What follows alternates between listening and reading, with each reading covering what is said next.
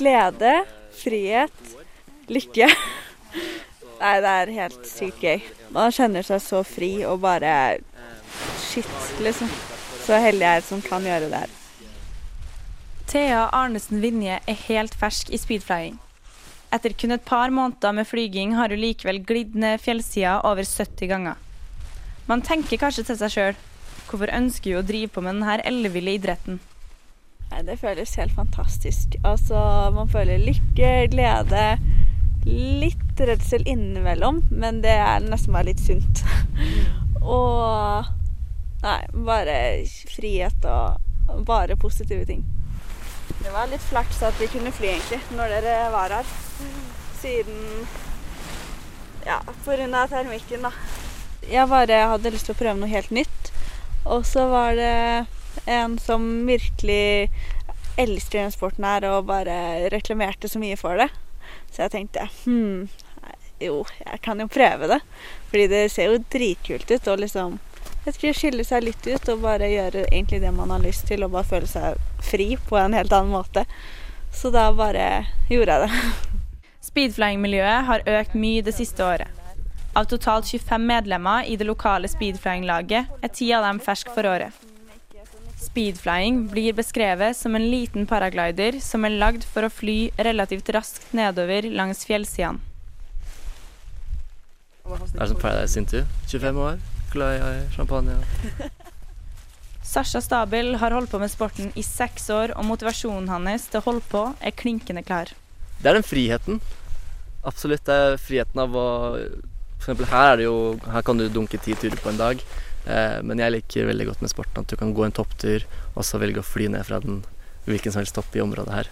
Eh, både til friheten og, og det suget i. Du har liksom Man kan velge om man vil ha en behagelig tur, eller om man vil kjenne på at 'oi, nå holder jeg på å dø'. Så man kan måtte ha ja, litt ute på humør, da. Dagshumør, om du vil gønne på litt ekstra, eller ta en uh, fin tur ned, da. Selv om ekstremsportens popularitet har økt, er det en stor risiko som følger med. Men selv om frihetsfølelsen er god å kjenne på, er det viktig å ta forhåndsregler før man legger ut på sprang utfor en fjellside. Her kan man sette tryggheten til viss grense, på en måte. Eh, for det er jo en ekstremsport, og det er farlig. Og vi har hatt mange dødsfall, mange ulykker. Eh, I hvert fall de tre-fire åra som har vært. da. Eh, hvis du sammenligner med paragliding og fallskjerm, så er det veldig mye flere ulykker og dødsfall i det her, da. Men det er jo på en måte å ha Sjekke utstyret ditt, ha kontroll over hva du har. Hvor eh, Sjekke liner, sjekke at ingenting er surra rundt hverandre.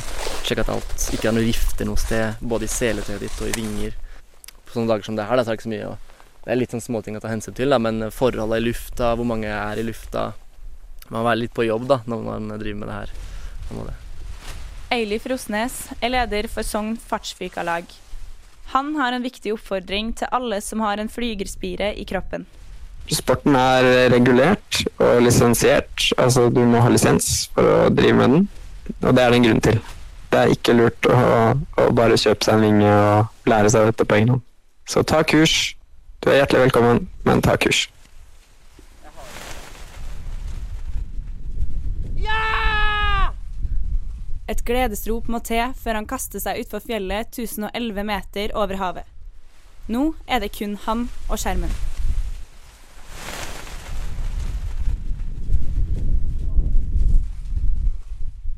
Trygt ned på bakken igjen er Sasha allerede klar for neste tur. Han er å se til helga da han skal være med på konkurransen X-Speed under Exto-festivalen i Volda. Jeg gleder meg veldig mye. Det så ut som et bra program. og ja. Det er mye av det de gjør til vanlig òg, men det er gøy å få møte, møte mange lokale, både flyvere og andre utøvere innen andre sporter og konserter. og ja, Det blir kjempegøy.